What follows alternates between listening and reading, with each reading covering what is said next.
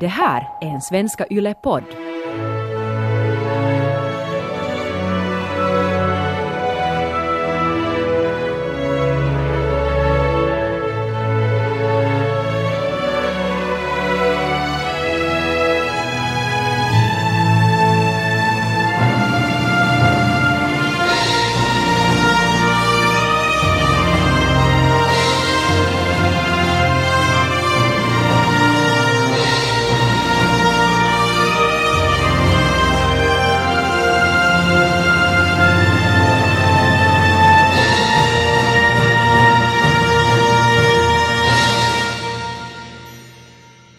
Det är ju gåshud, det är ju rysningar i hela min kropp när jag hör det här. Vad var det vi hörde? Vi hörde ett konsertarrangemang av vår fina titelmelodi från Ove Inborg. Alltså eh, ett konsertarrangemang gjord av en människa som heter Jonathan Jansson. Han studerar musik i London. Alltså det var en hel orkester ja, som spelade Ove Inborgs titelmelodi. ja, han skickade det här som en gåva till oss, alltså till vårt 200 avsnitt. alltså det höjer ju upp den här musiken till något sorts episkt, filmiskt och det låter ju som en final, som en emotionell utlösning. Jag tycker det låter som en sorts så här inledning på en Nobelmiddag. Ja men det gör alltså det är någonting när det är en hel orkester och det är den här ambiansen och allting. Det blir så här frack. Ja, men tänk att vi har alltså, alltså jag vet ju att vi har begåvade lyssnare, det har vi ju haft ända sedan starten, och, eh, och de är också utspridda över hela världen, men en musiker i London som uppenbarligen har det. Alltså det, det, det är på något sätt, alltså det blir ju en, en sån här eh, upptrappning också. Alltså att när man höjer ribban gång på gång på gång på gång. Alltså den här ribban som bland annat då Ove Inborg var med och sätta. Och så kommer folk och liksom toppar det som han startade. Så det är ju fantastiskt. Symfoniorkestern är ju kanske klimaxen då, alltså det blir inte Ja. kanske större Alltså, än en, så. en form av klimax är det ju nog. Att man kan inte liksom göra det maffigare. Nej, alltså nästa är ju att man ska måste se det live. Alltså det är ju det. Ja, börja turnera som ju de här kompositörerna gör nu för Ja. Hans Zimmer och eh, Ennio Morricone. Kanske Ove Inborg borde göra en sån här liksom arenaturné med en Ja. symfoniorkester. No, men han kan ju teama upp nu med Jonathan Jansson. Ja, men tack för det här, Jonathan Jansson. Tack alla ni som någonsin har skickat in versioner eller musik eller vad som helst Mm. eh, till vår podd, som nu alltså firar 200 avsnitt. Det blir ju på något sätt sådär alltså att, att om det där, alltså den där gåshud.mp3 som vi just lyssnade på, alltså att om det vi har sagt i den här podden kan aktivera de regionerna i en hjärna på en annan människa så att det där kommer ut. Då känns det ju som att ja, men då har man ju gjort någonting. Och det Men är så- det som är så fint. Alltså att vi blir berör, vi, vi berör varann på ett så här det är samtycke och alla är okej med det och sådär, men att det är kiva. Ja, men det är ju jättefint. Ja. Alltså, eh, jag tänker också på det här eh, så, så, som ju har att göra med det som vi håller på med också, att man kan säga saker på så många olika sätt och så betyder det olika saker. Säg det med en symfoniorkester. Ja, ja, men då blir det ju ändå, alltså det lägger ju till en massa dimensioner. Ja, verkligen. Så att uh, något maffigare än så här går det ju inte att inleda vårt 200 avsnitt. Nej, och det är ju tur det. För att eh, vi har ju diskuterat hur vi ska fira det här 200 avsnittet. Och vi kan väl säga som så att vi är ju inte så jättebra på att fira. Man har ju sett det här närma sig som en stad i fjärran. Mm. Eh, att eh, det blir ju så här en tvåa nu snart. Två- Vi- 2.00. Vi kan säga sådär att skulle vi vara rådjur så skulle vi vara överkörda. ja, men man För vi firar... har stått där mitt på vägen och sett de här strålkastarna komma. Men alltså vissa firar... Jag vet, för jag lyssnar mycket på Filip och Fredriks podcast, som Mm. ju var en av de första som blev riktigt stor. Ja, vad gjorde de när de hade 200 avsnitt? Deras 200 avsnitt var live från Globen. Ja, Och de sålde alltså fler biljetter eh, till Globen än vad påven hade sålt när påven var i Globen då för länge sedan. ja. De hade ju då, utom att de gjorde en podd, så var det specialeffekter. Eh, Jag vet att Filip Hammar kom insvävande i någon sorts vajer över publiken, Mm. mitt i Globen. Mm. Sen lär det ha varit dåligt ljud Ja. och så. Men att eh, i alla fall, så kan man fira. Sen finns Ja. det ju vissa som bokar Botniahallen när de ska Ja. fira. Så kan man också fira. Ja, men eh, vi tänkte ju att vi är ju ganska ödmjuka eh, nere på jorden, människor här och... Är- sitter i mitt kök. No, vi har ju inte gjort den här podden på en scen. Alltså vi gjorde en live-turné för ett år sedan och det var helt roligt. Men Mm. framförallt har vi ju suttit här i ditt kök. Så är det. Så nu skulle det vara konstigt då om vi inte skulle fira 200 avsnitt här i ditt kök, Ja, att, att vi ska göra det på ett sätt som, som inte skulle vara den här podden. Men att, no, vi övervägde faktiskt, vi hade en sån, här, en sån här jätterolig idé att vi skulle säga att nu ska vi fira på, på Hartwall Arena. Nästa vecka är det live från Hartwall Arena. Mm. Och så skulle vi ha farit till Hartwall Arena och stått där nu då i, i snöslasket och gjort en podd. Ja, bara för att kunna säga det. Men sen så insåg vi att det är nog mycket, liksom, mycket jobb för, för ett, ett litet skämt det då.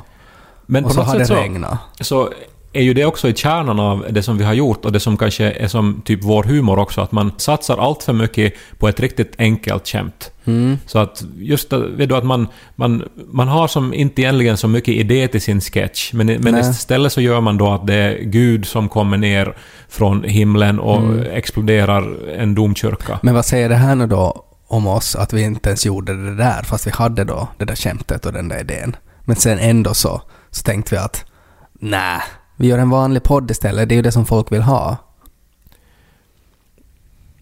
Ska vi lyssna på symfoniorkestern igen?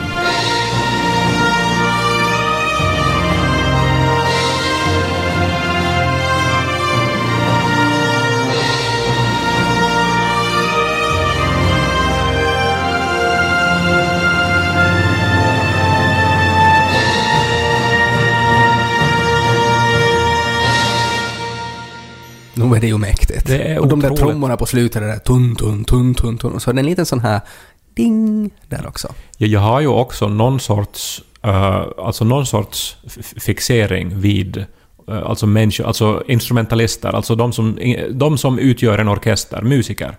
Ka- Kanske någonting all, alldeles speciellt för cellister.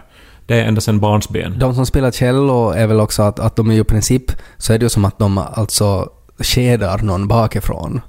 I princip. Och bara liksom hänger på någons rygg och smeker den om och om igen tills det börjar komma ljud.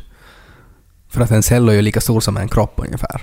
Nu undrar jag ju vad Jonathan Jansson spelar för instrument. Han är nog säkert multi-instrumentalist. Förmodligen. Men vi har ju nog funderat ändå lite vad vi ska göra i avsnitt 200. Ja, jag ser ju det här som att nu är podden någonting. Att, eh, för det är ju så att vi har ju inte liksom berättat en historia här. Att det har ju inte funnits ett tydligt början och slut på den här podden och det Nej. ska det inte heller finnas. Det är ett Nej. pågående samtal. Vi börjar mitt i och vi håller på fortfarande. Men nu är vi ändå framme vid en sån mängd att man kan på något vis säga att ja men det här är någonting. Vi, Mm. vi har liksom kommit någonstans. Att ska vi, ska vi avsluta podden efter det här avsnittet så ska det finnas faktiskt. Så, så skulle vi väl nog ha gjort ett sorts avtryck då i Ja. någon sorts väldigt obskyr finlandssvensk poddvärld. Men i alla fall ett, ett avtryck som inte kan förnekas. Nej. Någonting är det väl också kanske med det här 200. Jag som författare jag tänker ju alltid att en eh, roman måste ju nog vara 200 sidor, annars är det nu kanske inte riktigt en roman, det är någonting annat. Mm. Så att nu känns det som att, att nu, nu går det att sätta pärmar kring den här podden. Ja. Men vad är den? Det är väl det som vi har varit lite osäkra på. Mm. För att vi vet ju att människor lyssnar, eh, fler än någonsin faktiskt.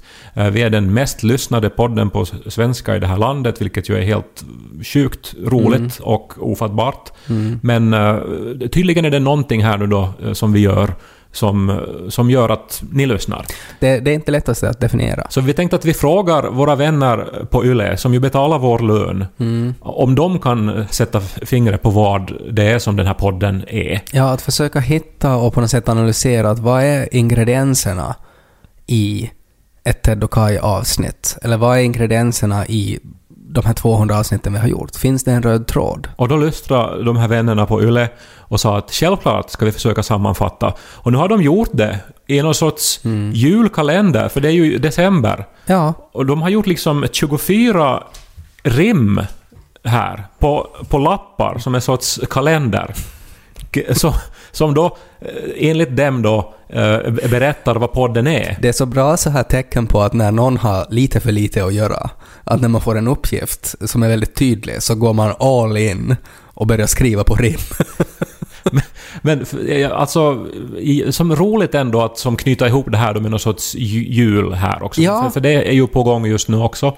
Och, och sen också festligt. Jag tyckte också den här symfoni-inledningen också gav lite julkänsla också, vill, jag- vill jag Ja, men kanske lite sådär julkonsert. Så att eh, nu ska vi då, eh, för att nu har vi ju inte läst de här. Nej, Så att nu, nu ska vi då få veta vad den här podden är och så Ja. kanske vi kan diskutera om vi håller med. det är så roligt också att, att vid avsnitt 200 så ska vi få ta del av någonting som blir en överraskning för oss båda. Ja, fantastiskt. Men ska vi hoppa rakt in i de här 24 rimmen nu då Ja, och är, se? ju- vi måste ju göra det för det är ju ganska många ändå. Jag är ju livrädd egentligen för vad det kommer att komma. Men, Finns det eh, någon risk då att, att om vi vet, om vi lär oss vad kärnan för den här podden är, så klamrar vi oss fast vid den och så blir vi otroligt kritiska till allt som inte hör till de grejerna. Och så ge- gör vi en björntjänst åt oss i framtiden. Vi kan ju alltid, eftersom det är människor på YLE som har gjort de här, så kan vi ju alltid avfärda den. Ja.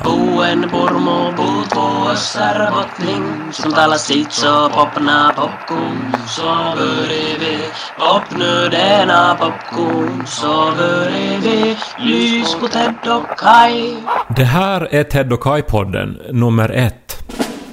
Livet är ett mysterium som är kort och mörkt och hårt. Talar man om döden känns det kanske mindre svårt. Låter ju... Är, är, vi, en- är vi en sån här ångestpodd? Ja, alltså jag antar att här syftar de på att vi, att vi ibland pratar om svåra saker.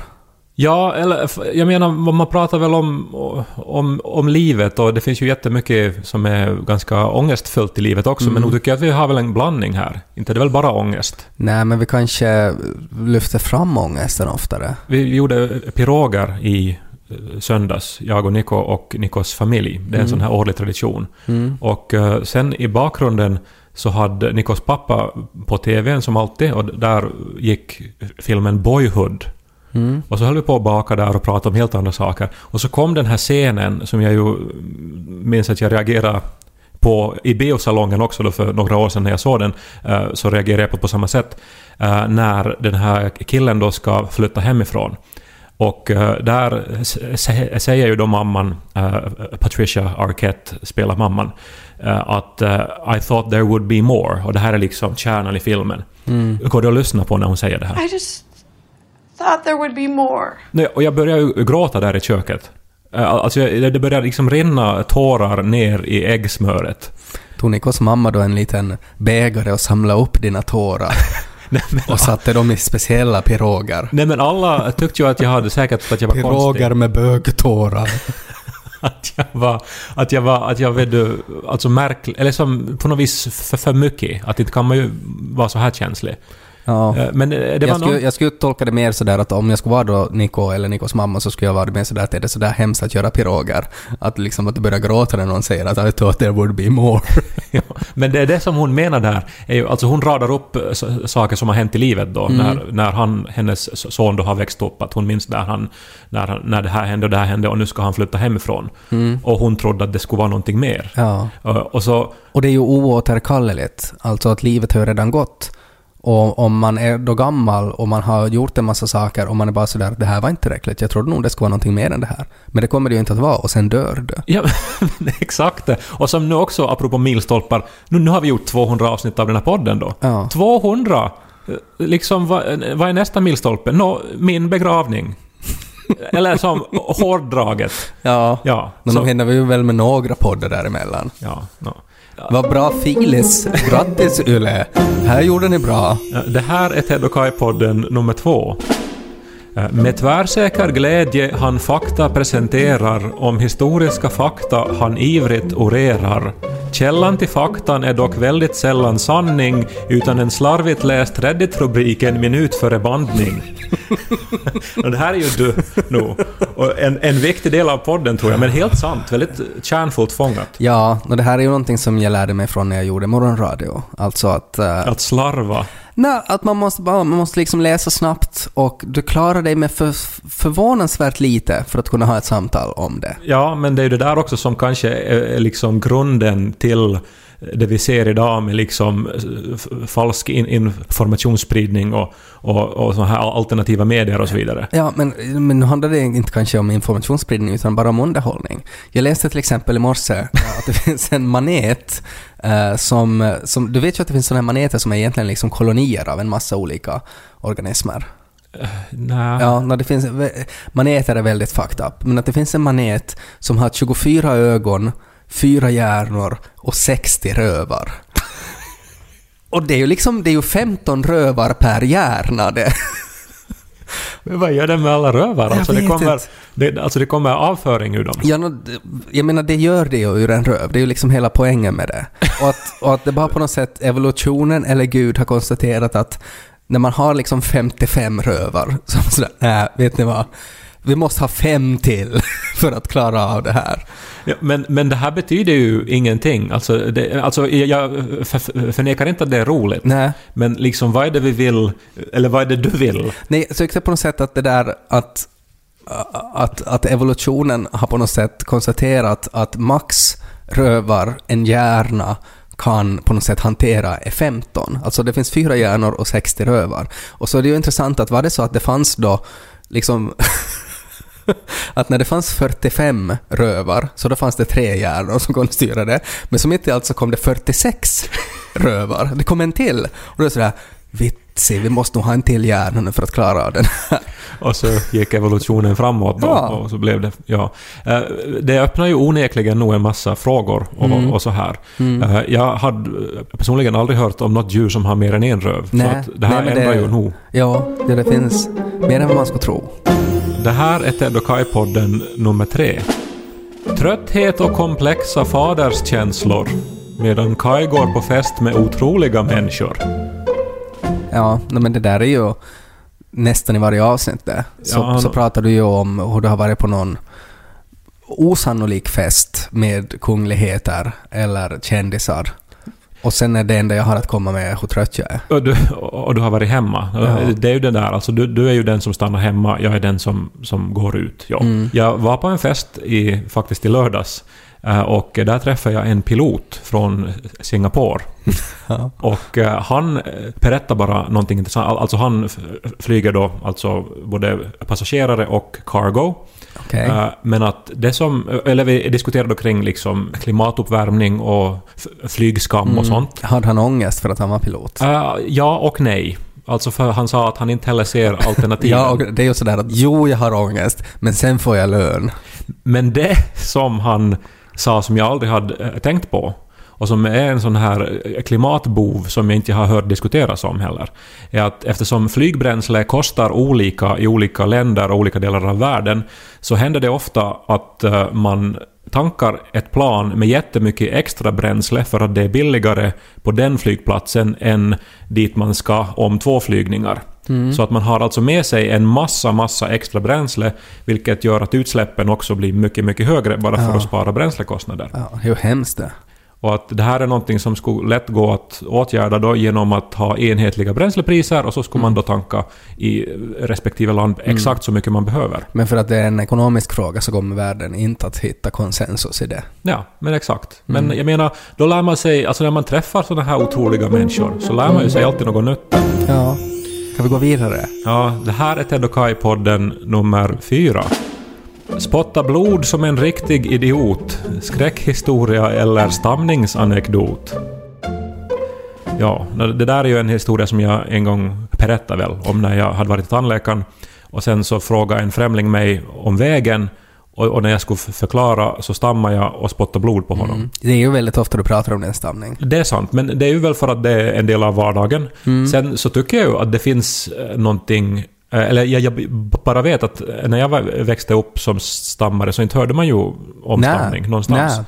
Och inte visste jag ju riktigt att, alltså allt vad det kan innebära och att det finns en massa människor som stammar där Nej, du är ju som en ambassadör för alla stammande blodspottare. Men sen då att jag, för, att jag berättar ju ofta bara om de här alltså ganska jobbiga sakerna om stamning. Och det, det, det är ju onödigt för att det kan ju kanske få någon att, att känna sig riktigt dålig med sin stamning. Mm. Att, Men finns det då, det är ju många sådana där handikapp som också är en superkraft.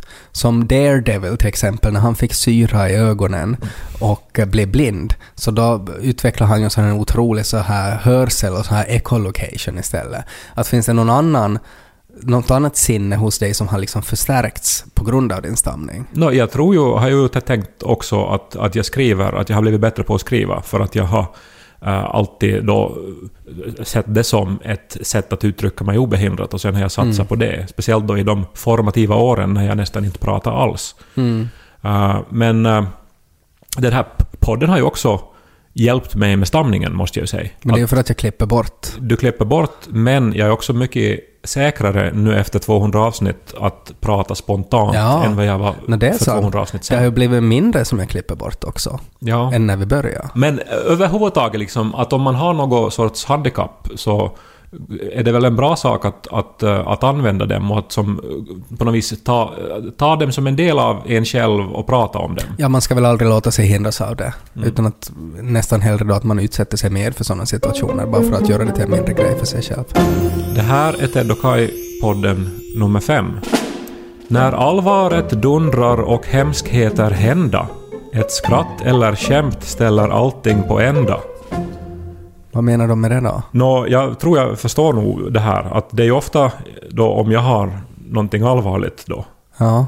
som jag kanske har faktiskt ruvat på ganska länge och eh, tvekat om jag ska berätta någonting som är väldigt viktigt för mig, eller viktigt på, på något sätt. Mm. Så Sen- kommer jag och gör fjärrkänt. så, så tar du det inte på allvar eller så kommer du med något sorts inpass då som, som strävar till att, inte vet jag, vända på stämningen. Eller är det för att du, har skapat så dålig stämning så att jag upplever att jag måste på något sätt göra det lättsamt igen? Jag, jag gjorde ju i ett avsnitt så läste jag ju, eh, som jag då hade skrivit på förhand, eh, för att det var så viktigt tyckte jag, eh, när jag pratade om att jag, att jag låg... Alltså det var ett avsnitt som handlade om samtyckeslagen som vi Mm. diskuterade. Och så berättade jag om när jag låg med en man utan att jag ville ligga med honom. Mm. Det var ju en lång historia. Men där, eh, i något skede så, så, så sa jag att, eh, att jag hittade snus på pungen. och, och då reagerade du just sådär. Medan jag ju tyckte att det var en sån här en detalj som visar eh, väldigt tydligt och snabbt exakt eh, vad, hur den här situationen kändes. Att det var så här lite obehagligt. Men, eh, men jag menar, eventuellt är det ju kanske en styrka, eller tydligen är det ju en styrka då. Att man... Vet du, att det är som allvarligt och sen så blir det skratt och, och Ja. fåneri då. Det handlar väl om att, att det får väl bli fånigt och så länge man kan återgå till allvaret. Men om man berättar någonting allvarligt och så sätter in en parentes att man har snus på pungen, så nu måste man ju vara medveten om vad det väcker för tankar i de man berättar det åt. Nej men väcker det inte framförallt att det var som... Åh, vilken obehaglig man jag hade just träffat. Som inte ens har liksom tvättat munnen. Spottat ut snus. Nå, inte bara det.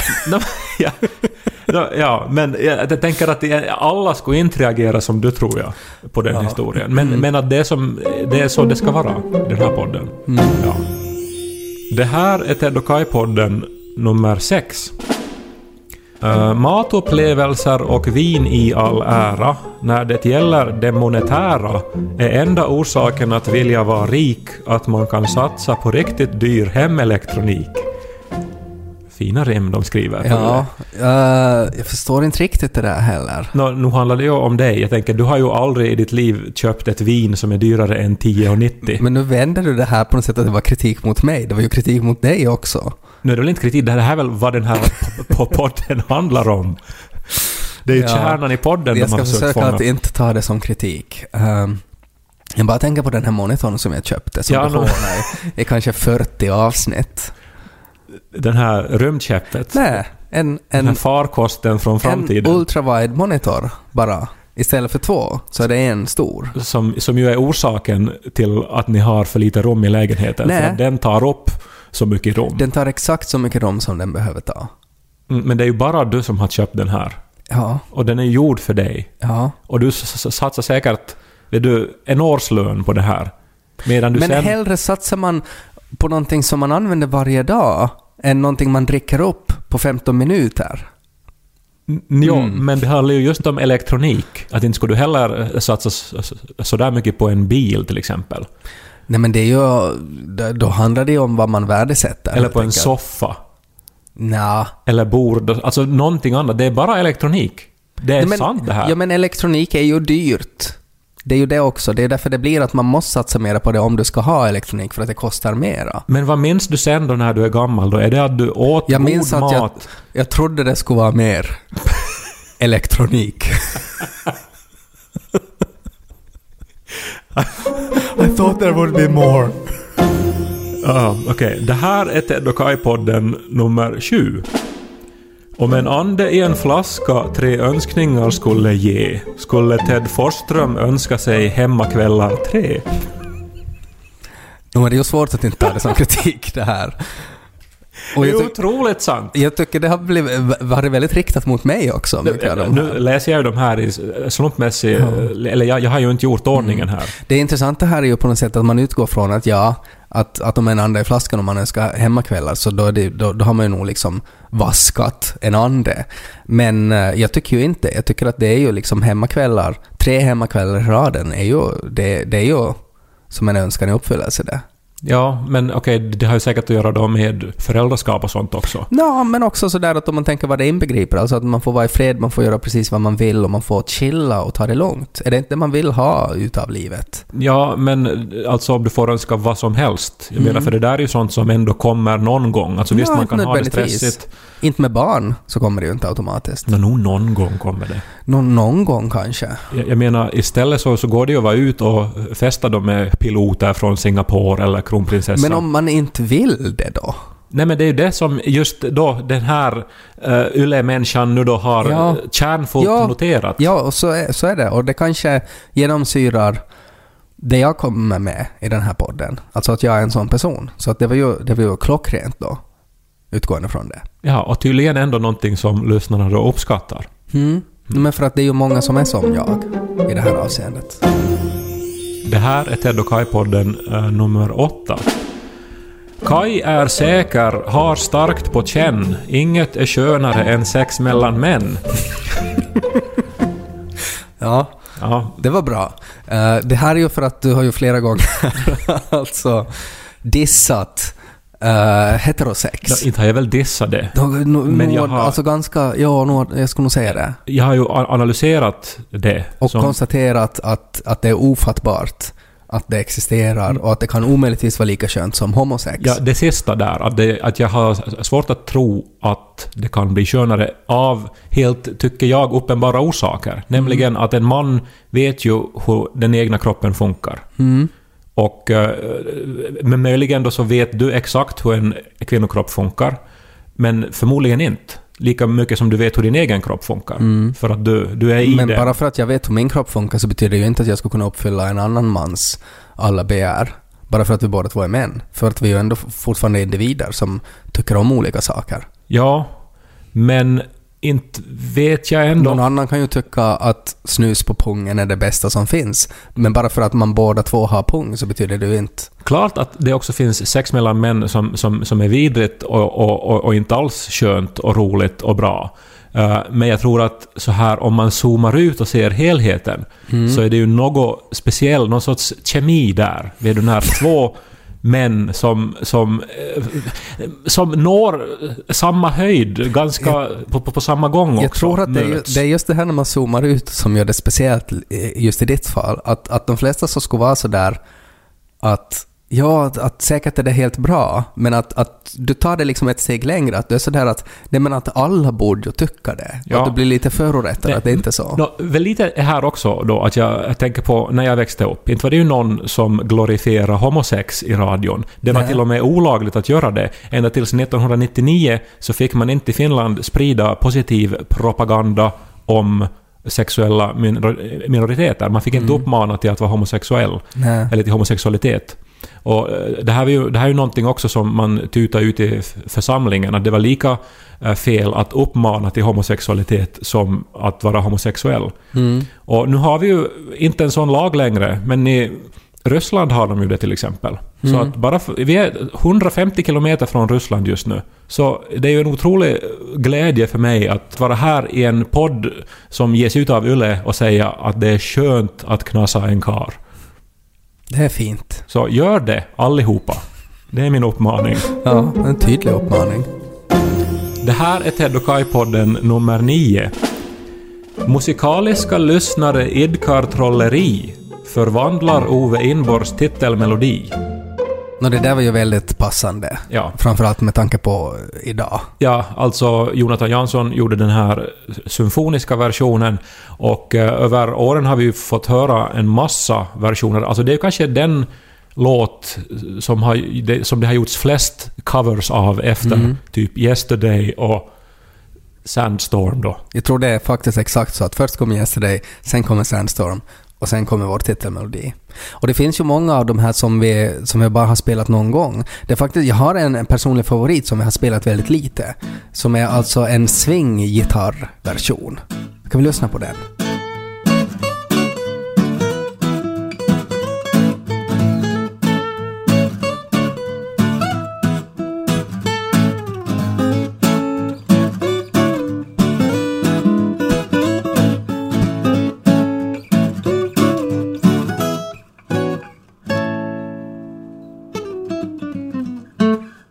Var Andreas Näsman som gjorde den. Andreas Näsman. Mm. Ja, och det, det är också något som visar st- styrkan i den här melodin. Att den håller i så många olika tappningar. Mm. Ja, den är ju tidlös. Men s- stort tack på Det riktigt. sägs ju att det var alltså att Ove Inborg sov och så vaknade han på natten och så hade han liksom drömt den där melodin. Och så tog han sitt anteckningsblock och skrev ner den direkt.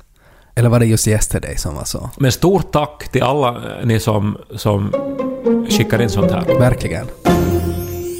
Det här är Ted och Kai-podden eh, nummer 10 då.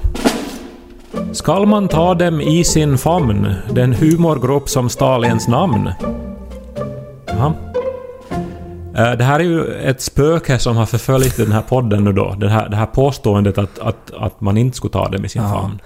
Det, Eh, Men det är nog konstigt. Jag undrar nog varifrån det kommer det här. svaret är ju, är ju ja. Och, och jag tycker mer och mer så för varje år som går.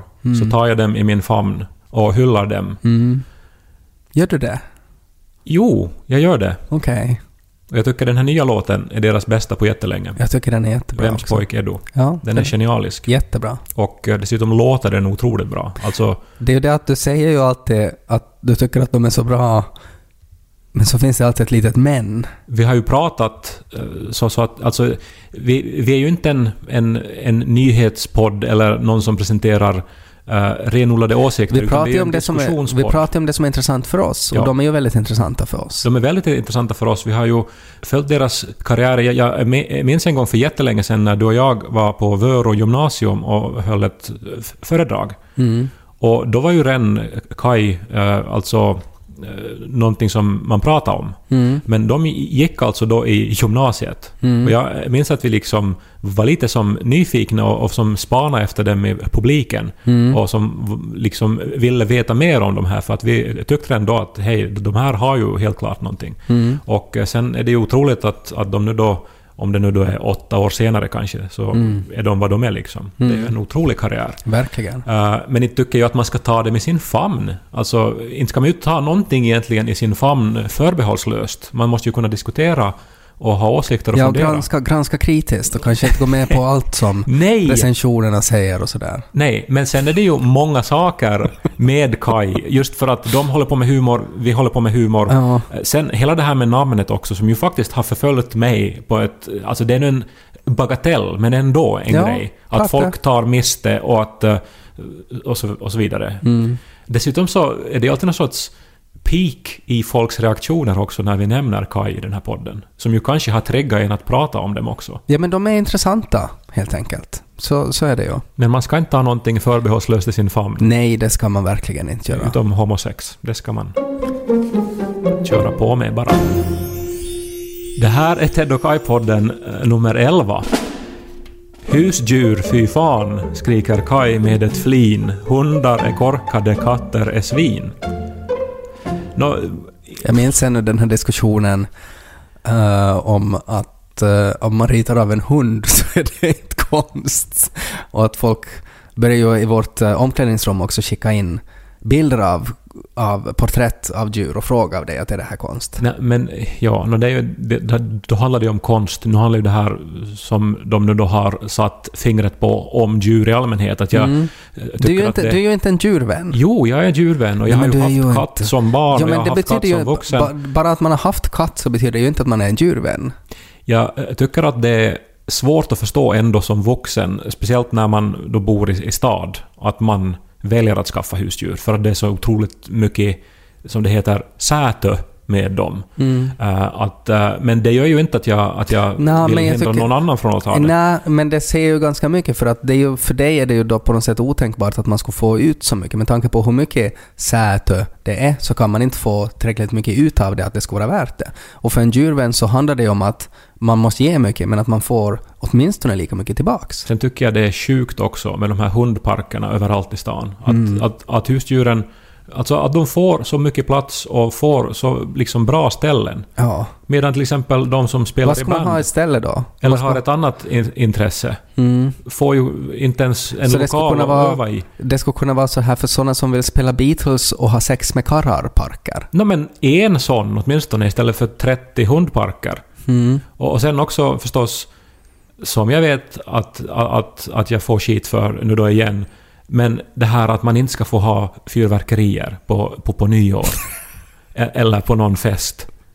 För att någon hund blir rädd. Jo, ja, jättejobbigt att hunden blir rädd, men varför bor du med hunden i stan då? Med oss andra? Vi är ju en majoritet ändå som inte har... Som har valt att inte ha hund. Okej, boomer. Vi går vidare. Nej, det där är inte en boomer-åsikt. På något sätt. Jo, om, om man börjar prata om att nu är det fint med fyrverkeri, det, då, kan man, då är enda rätta svaret är okej boomer. Det här är Ted och Kai-podden nummer 12.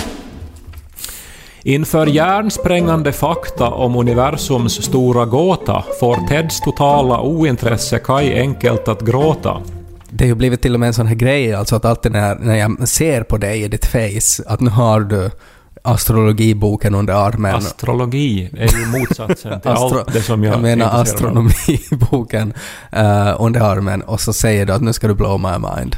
Då vet jag ju att jag kommer, min mind kommer inte att bli blown. Det, det är ju nog en sorg i mig att jag omger mig med människor mestadels som faktiskt inte, inte liksom går igång på såna här uppenbart mindblowing saker.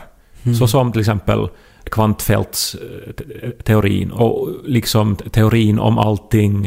Eh, Vad är gravitation? Vad är tid? Vad är ingenting? Allt sånt. Det finns ju en jättebra annars eh, vetenskapskanal på YouTube, det finns en massa, men som heter PBS Spacetime. eh, som också leds av en väldigt vacker eh, människa. Eh, men eh, som också är otroligt eh, spännande och intressant. Som jag lätt kan ägna en hel kväll åt att sitta och, och titta på om och om igen, samma klipp. Okej. För att, alltså, universum är ju det mest otroliga som man kan föreställa sig. Och det är överallt omkring oss. Vi är till och med en del av det. Så nog tycker jag alltså att man inte blir ivrig över de här sakerna tyder ju på någon sorts, Vad tyder det på? no, men, någon sorts eh, brist på känslor. Kan hända. Eller så handlar det om intressen. Intressen när det handlar om existensen, när det Ja. handlar om verkligheten. Ja. Alltså, det som du upplever, allt det som du upplever. Var är du? Hemma. Ju, vet, som det där är ju... Du, nu förstår jag ju att du provocerar här. Men, men som det där... Den där skillnaden mellan oss så är väl kanske då något som skapar spänning i podden, jag vet inte, men som, som också to- tycker jag är totalt ofattbar. Det är ju många mysterier som är kvar i universum och det här är väl ett av dem. Maneter har 60 rövar. Det är spännande. Det här är Ted och Kai-podden nummer 13. Är det 13 nu redan? Popnudlar och popcorn eller något andra grejer. Teorier om vad Häggmans Daniel riktigt säger. Ja, det är återkommande. Ja, faktiskt. popnudlar. Ja, eller det har väl kommit olika förslag på Ja, vad det nu är han sjunger. Just det här, pop nu är en av popcorn. Han han sjunger ju att man ska poppa popcorn och lyssna på podden. Ja. Det är väl den här pronomenet dig där, alltså pop nu denna popcorn, poppa nu dig popcorn, som man inte använder längre i svenska men som används i SE-dialekt, att man lägger in ett dig. Poppa nu dig nå popcorn. En Essebo, en Pormobo, två österbottningar som pratar skit. Så poppa dig popcorn. Poppa dig popcorn, upprepar han. Så börjar vi lyssna på Ted och Kai. Det säger han. Det säger han. Och eh, det som är kanske mest otroligt med det här, han var ju en av de många som eh, skickade in olika eh, ljudfiler till oss när vi just hade börjat med podden. Och eh, den här fastnade vi ju för. Och, eh, och den har ju hängt med sedan dess. Och sen eh, i något skede så träffade jag ju Daniel Häggman eh, för att tacka för det här. Och vi hade en jättetrevlig kväll och vi umgås ju fortfarande eh, som vänner. Han var ju på mitt bröllop också. Mm. Och eh, jag skulle ju inte ha känt honom om det inte var för att han eh, gjorde en sån här jingle. Eh, Det här är Ted och Kai-podden nummer 14. Anekdoter om sin son, hur han lever och far. Mellan raderna man anar en utmattad far. De rimmar far med far. Nå, far är substantiv, far är också ett verb. Ja, men jag, vad, vad är det där då? Det är ju klart man är utmattad som småbarnsförälder. Eh, och att det blir ju sådana anekdoter man har. Var det liksom kritik mot det där att jag bara klagar på Lo? Varför tar du allt som kritik här nu? Det här är ju någon som har försökt sätta fingret på vad vi har gjort podden Men det är av. klart jag tar det som kritik för att Jag tänker här att du ändå sällan pratar just om att du är en utmattad far. Utan istället så nämner du någonting som Lo har gjort med ett tonfall som gör att man mellan raderna kan då anta att, att nu har det varit riktigt jobbigt. Och att nu, nu, nu är du på gränsen.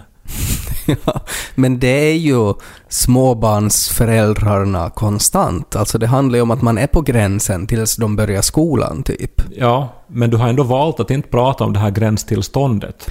Nej, för att nej, det handlar ju om en annan människa också. Och han är ju ett barn. Och jag vet inte riktigt heller vad man ska få ut av det, för att det är så jättepersonligt på det sättet. Alltså att det handlar ju om... Ja, vad ska man få ut av att någon är personlig? Nej, alltså delvis är det ju också att det är svårt att prata, för att det blir så lätt uppfostringsmetodik av uh, Kai Korkeaho Pedagogiska skolan. Och, och jag, jag liksom prenumererar inte riktigt på den.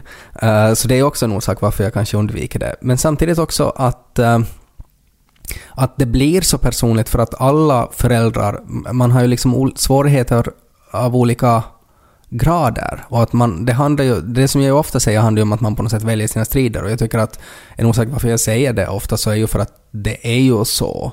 Och att de striderna en förälder tar så kan vara en helt annan strid som andra föräldrar tar. Och på ett sätt så tror jag att man får mest ut av att prata sånt när man själv har barn. Så det är väl också kanske någonting som jag lite undviker att prata med dig, för att du har inte du har svårare att ta ställning till det. För att det som jag kanske är ute efter är att okej, men hur gör du med ditt barn när ditt barn inte vill ta på sig kläder? Och då blir det bara sådär att jag kan bara säga vad jag gör och så kan du bara kritisera det och sen händer det inte så mycket mer. Nå, jag är ju på det här att ja, no, men då måste han väl vara utan kläder då och så kommer Ja. han att frysa och sen dagen efter kommer han att ta på sig kläder. Ja, det funkar ju inte så. Ja. Mm. men, men, men, men i alla fall, alltså... eh, jag menar, Lo har ju, har ju växt upp under den här... Han har ju fötts under den här podden också. Mm. Och eh, det här hade, hade, blivit, hade blivit lättare eller svårare. Vissa saker har blivit lättare, vissa saker har blivit svårare. Som det är att ha barn.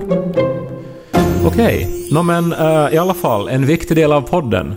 För att det var ju mer nästan sen starten. Eh, det här är Ted och Kai-podden nummer 15.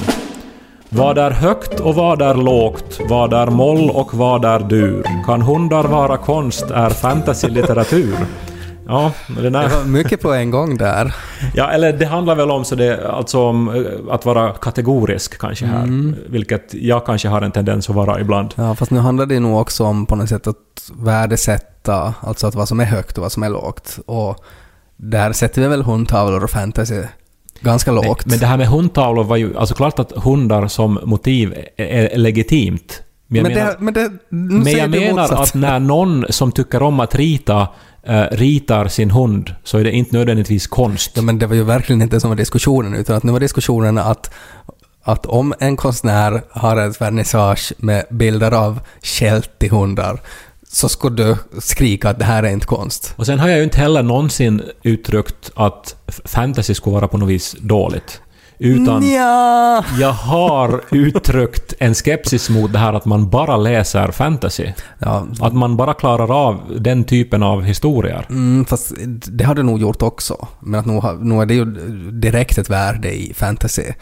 Och att om det klassas som litteratur eller inte. Det har vi nog många, många, många gånger diskuterat. Ja, men finns det en massa fantasy som har högt litterärt värde. Det finns en massa fantasy som har nästan inget litterärt värde. Så är det. Och uh, allting är bra, men att man ska läsa allt möjligt, tycker jag. Och Mm. jag inte liksom, så som du till exempel då, dissa så att säga vanlig litteratur för Men att jag- det händer inte något. Jag dissar ju inte, eh, utan att det handlar ju om att vad man föredrar helt enkelt. Och att jag föredrar element av fantastiska inslag framom vanliga romaner. Mm, som det här att, att min kamp skulle vara bättre om Knausgård kunde trolla. Ja, Som, det- ju är, som ju är din, på, på ett sätt, mest avslöjande och mest idiotiska.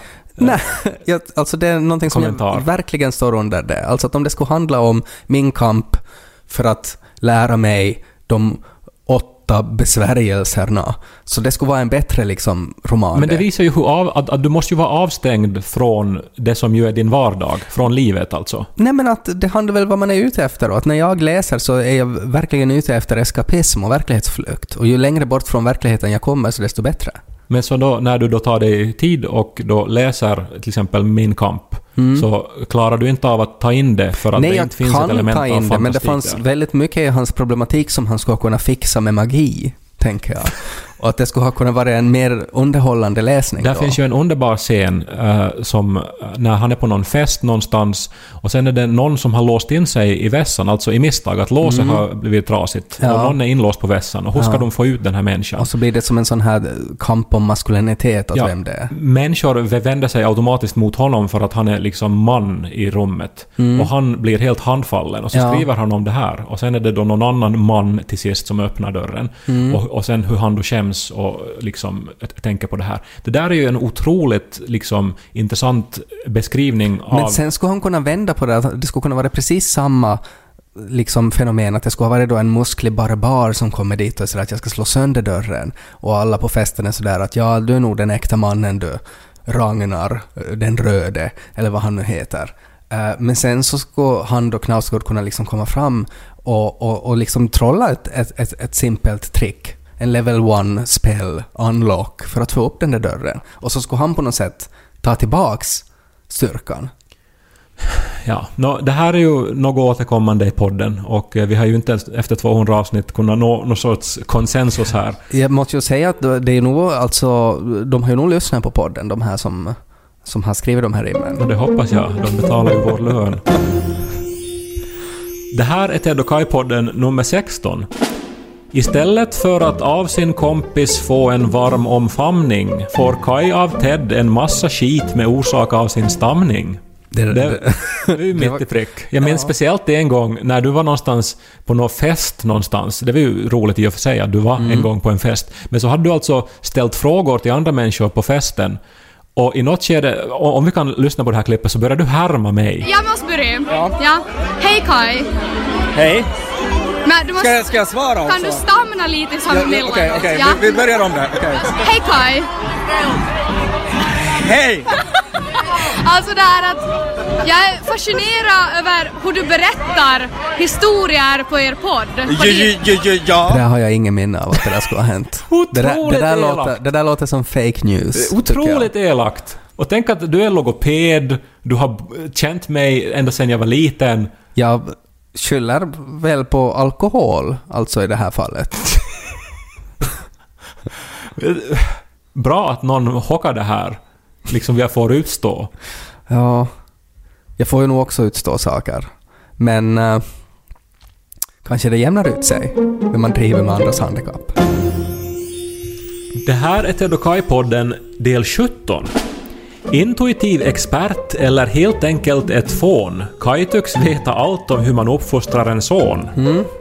Men det här har vi ju redan diskuterat. Ja. Vi är glada att det här också togs fram. Förstås vet jag ju inte om hur det är att ha barn.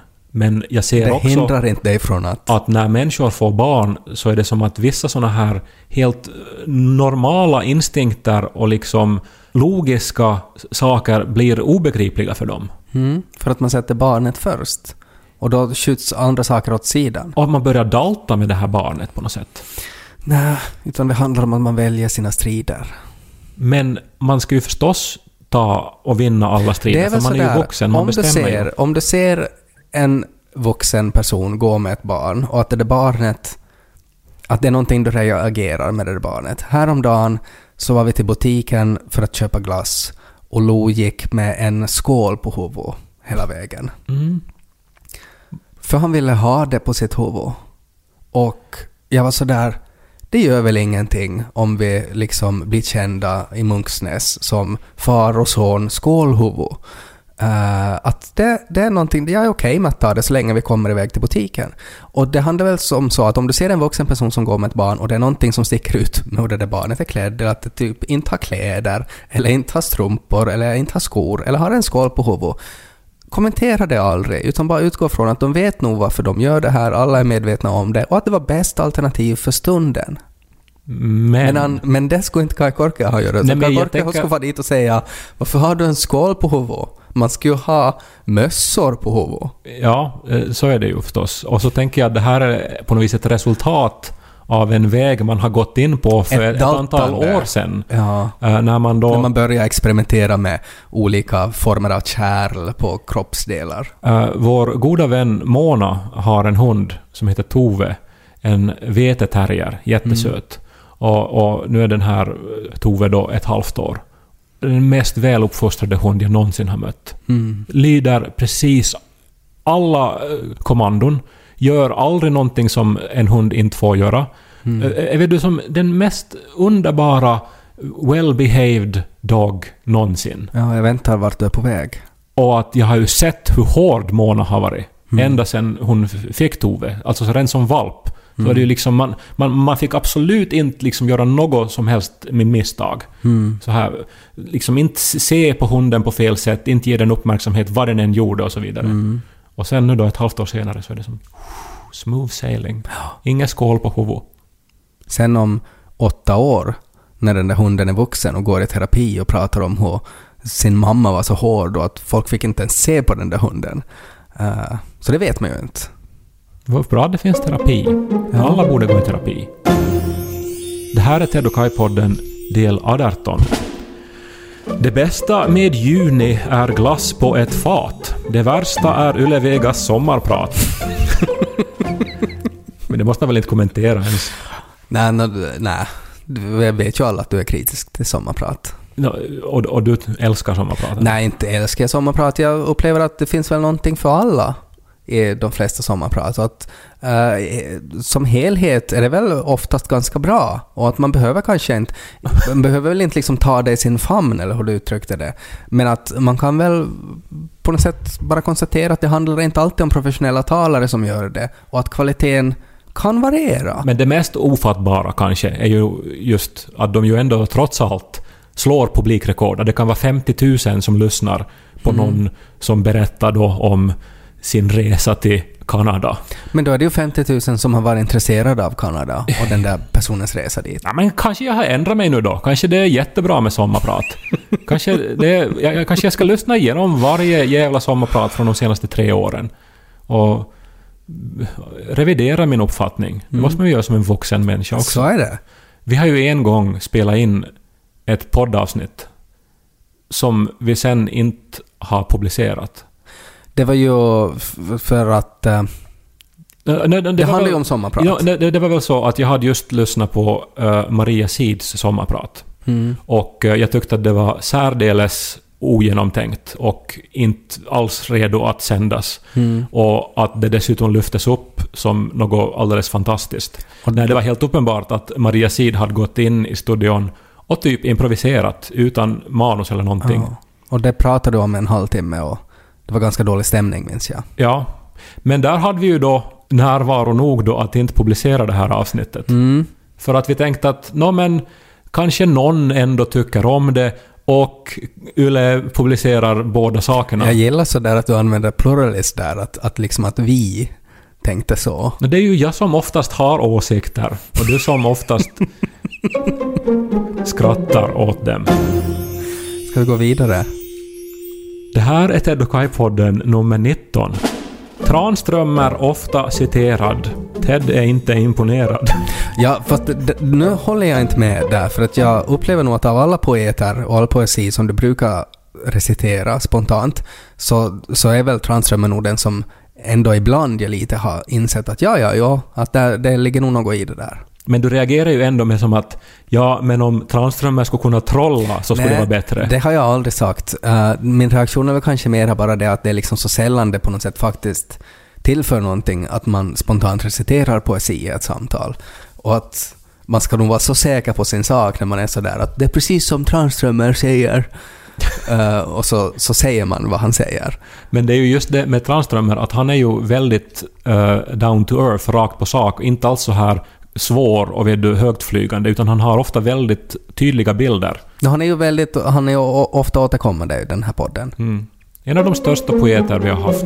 Ja, Det här är Ted och Kai-podden nummer 20. Det bästa som finns är en riktigt bra bok.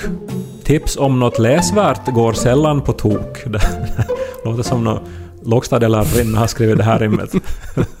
faktiskt. Det är viktigt att läsa. Ja, Eh, Men, men det är det ju. det är viktigt att läsa och du brukar ju komma ofta med eh, boktips. Du också har ju Ja. kommit med. Det är ju dock störande att det kommer oftare frågor om boktips till dig än till mig. Mm.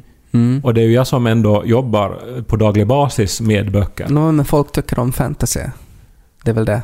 Uh, du tipsar ju också om jättebra böcker, men att de är... Det är inte alltid liksom det lättaste att börja läsa de böckerna du tipsar om heller. Då ska vi tipsa om en bok nu då? Jag kan tipsa, det är ju, ing, det är ju förstås ingen överraskning, men årets vinnare av Finlandiapriset, Paitim Statovci, har skrivit en bok som heter Bolla, som är helt överraskande. Bolla? Ja, Bolla. Det, det är något sorts mytologiskt eh, väsen från eh, Balkan. Mm. eh, som heter Bolla och jag ska inte berätta varför eh, boken heter så. Jag vill att man ska få reda på det själv. Mm. Den, är, den är inte lång, den är jättegripande och handlar om kärlek och om krig och om livet. Och eh, jag rekommenderar den helhjärtat. Jag blev såld när du pratade om mytologiskt väsen från Balkan. Var det så? Mm. Jag skulle kanske kunna tipsa, det kan hända att jag gjort det här tidigare, men att det är ändå en, en sån här trilogi som har stannat kvar hos mig. Book of the Ancestor av Ma- Mark Lawrence handlar om ett gäng mördarnunnor. det är alltså ganska exakt som om Quentin Tarantino skulle ha regisserat uh. Eh, och eh, det rekommenderar jag. Och det är alltså tre böcker. Tre böcker, Book of the Ancestor 1, 2, 3. Jag tror första boken heter väl... Det finns Holy Sister, Red Sister och Grey Sister, som är liksom olika kategorier i det här klostret som man går in i. Alltså att eh, Red Sisters är mer specialiserade på att lönnmörda folk och Holy Sisters är mer sådär att de kan spränga folk med sina Men är det ett kloster eller en mördarskola då? Det kan ju inte vara båda Ja, samtidigt. Det är båda samtidigt, alltså för att det, det är en sån här liksom, det är en nunneorder, ja, men man kan också anlita deras tjänster för att mörda folk. Väldigt bra. Mark Lawrence. Det här är Ted och Kai-podden nummer 21. Karameller bör vara sura. Det är faktiskt hela tricket. Det fattar väl alla om man inte heter Nicke. Så det här är ju inte någon stor del av podden väl? Nej, nu har vi ju pratat ganska mycket om att du tycker om sura karameller och sen ledde det ju till då att, att eh, Nicke Aldén, som vi såg senast på Slottsbalen, eh, så han eh, skickade en påse sura karameller åt dig som du alltså roastade ganska redigt i den här podden. Ja, men det var ju nog, det var ju nog pinsamt de var för inte så- alla inblandade. De var inte så sura. Nej, det, det, var, det var ju som söta såna här sockerpastiller. Ja, det som Nick alltså beskrev som det suraste han någonsin har ätit, så det beskrev Kai Korkeho som söta sockerpastiller. Och det var väl så också för, för att Nicke Aldén recenserar ofta film också. Mm. Och, och, och, och, han har rätt så ofta, har jag för mig, nu, nu, nu får, måste man ju då rätta mig om jag har fel här, men väldigt starka åsikter. Det ofta Mm. är liksom den bästa film som man har sett det här året, eller den, det här- här var en jättestor besvikelse och så Ja. Att, eh, Och ni har väl tyckt väldigt olika också? ja, det har, vi, det, har, det har vi gjort. Så att ni har ju väldigt olika smak. Alltså att om det han uppfattar som surt så uppfattar du som sött. Ja. Så det är ju klart också att filmsmaken måste ju vara upp och ner där. Men det är viktigt att man omger sig med sådana människor. Mm. Så att man hela tiden utmanas, tycker jag. Är det viktigt det? Jag tycker att det är viktigt. Men blir det faktiskt att man utmanas eller att man blir störd varje gång? Jo, men det är ju den här störningen som skapar nya spår i hjärnan. Eller bara bekräftar att andra människor har fel i huvudet? Men sen har ju Nicke Aldén också alltid varit en ambassadör för podden. Och Det har han varit. eh, Liksom, ofta tycker jag uh, skicka feedback, ofta orkat berömma eh, Mm. om det är någonting som han har tyckt att har varit bra. Så att uh, all kärlek till Nicke Ja. Aldén. Han är en god människa, men att han har dålig smak. Vi lämnar det på det. Det här är Ted och Kai-podden nummer 22. Eh, Plötsliga spöken i bakhuvudet klia. Jesus och Paulus och jungfru Maria. Ja. Ja, det här... eh, den religiösa uh, barndomstrauman. ja, att det dyker upp ganska ofta ändå. Men det är väl, det är väl ett Mm. blir tecken väl- på att det är någonting som har varit väldigt stort i mitt liv. Och som, Ja. eh, Det är ju helt logiskt tycker jag. Att om man tänker sig att om din religiö... Din, din liksom förhållande till religion är liksom som en kamel. Och så har det liksom kommit en kamel, kom fram till dig när du var ett barn och så satt han sig på dig. Och han satt på dig liksom tills du var i 20-års, 25-årsåldern. Så, så, så var det sådär att du var sådär, sorry nej jag kan inte, alltså jag har en kamel som ligger på mig, alltså jag kommer inte, kan inte komma med till bögbar för att det är en kamel som ligger på mig.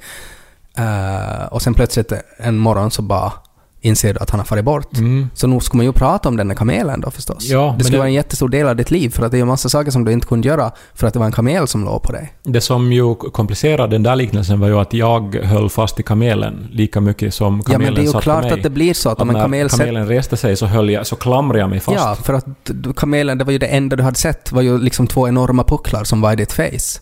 Så att det är ju klart att det blir liksom som en del av dig att du är sådär att är, är du en puckel också? Är du en del av kamelen? Var börjar Kaj och var slutar kamelen? Sen har jag ju då lärt mig att kamelen inte var pålitlig och att kamelen inte var det enda sättet att ta sig fram i livet. Tvärtom att kamelen eh, i åtminstone åtta fall av tio leder en eh, fel.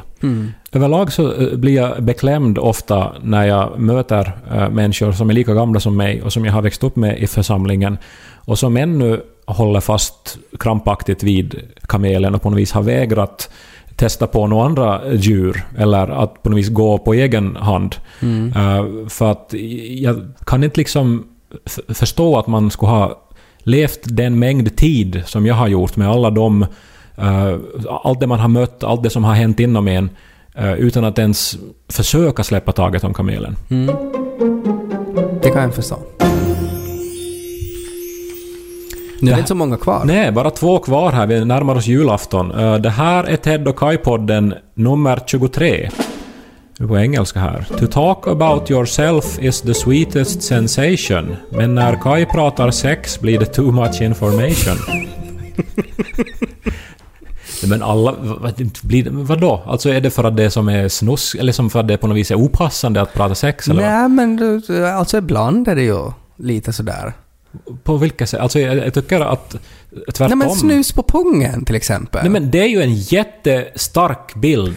Det är en jättestark bild men det är inte, alla För skulle inte... allt det som hände den dagen. Ja, men alla skulle inte kanske vara bekväma att berätta om det. Nej men det är väl därför som det är bra att någon gör det. Visst är det det. Och, vadå, inte bekväm att berätta? Alltså vadå? för att, man skulle skäms för att det är nej, pinsamt? men man skulle inte ens liksom komma, man, man skulle inte liksom tänka på att göra det, tror jag. Jag vet inte. Ehm, men uh, jag tycker ju att det är bra. Jag, jag tycker att det sällan blir too much information. Jag vill ju ha, man vill ju ha information, det är ju då det är spännande. För att det är då man lär sig någonting om hur andra människor ser på livet. Men eh, kanske alla inte tycker så. Kanske de är pryda jävlar på Yle. Nej, alltså klart att, att det får ju inte vara som för att ch- chockera eller att det som är ett självändamål. Nej, det måste ju finnas en point i varför man nämner det. Exakt, ja. Men jag, jag tycker det... Om man nu ska prata om livet så måste man ju kunna prata om, om sex till exempel också. Och, Mm. inte, och, inte, och inte hade det väl varit jättemycket heller. Mm. Jag tycker inte det har blivit för mycket. Jag tror inte att någon annan skulle tycka... Ing, ingen som, som vars åsikter vi värdesätter skulle tycka det heller. Min mamma håller ju ännu på och visslar när hon lyssnar på podden. Hon brukar ofta berätta det när vi pratar i telefon. Mm. Att eh, ja, att vi har lyssnat på podden och jag måste nog bli där mycket. Ja, för att hon gör ett, alltså själv ett censurpip. Ja, alltså, alltså när hon hör någonting som hon inte tycker att är okej så visslar hon som ett sånt här censurpip. Ja. Så att hon då, man kan bara föreställa sig när hon och pappa sitter och lyssnar på podden via TVn som de gör. hur det låter där. ja. Det är som en sån här Hon måste ju ha ett vattenglas med sig för hon måste bli så torr om läpparna hela tiden. säckpipa i. Vi har bara en kvar här nu då, lucka nummer 24 då. Ska vi ta den då? Det här är Ted och Kai-podden nummer 24. Och förstås ja. Uh, vignetten i början sätter ju groven. Vad skulle podden vara utan sin Ove? Oven? Ove? Groven?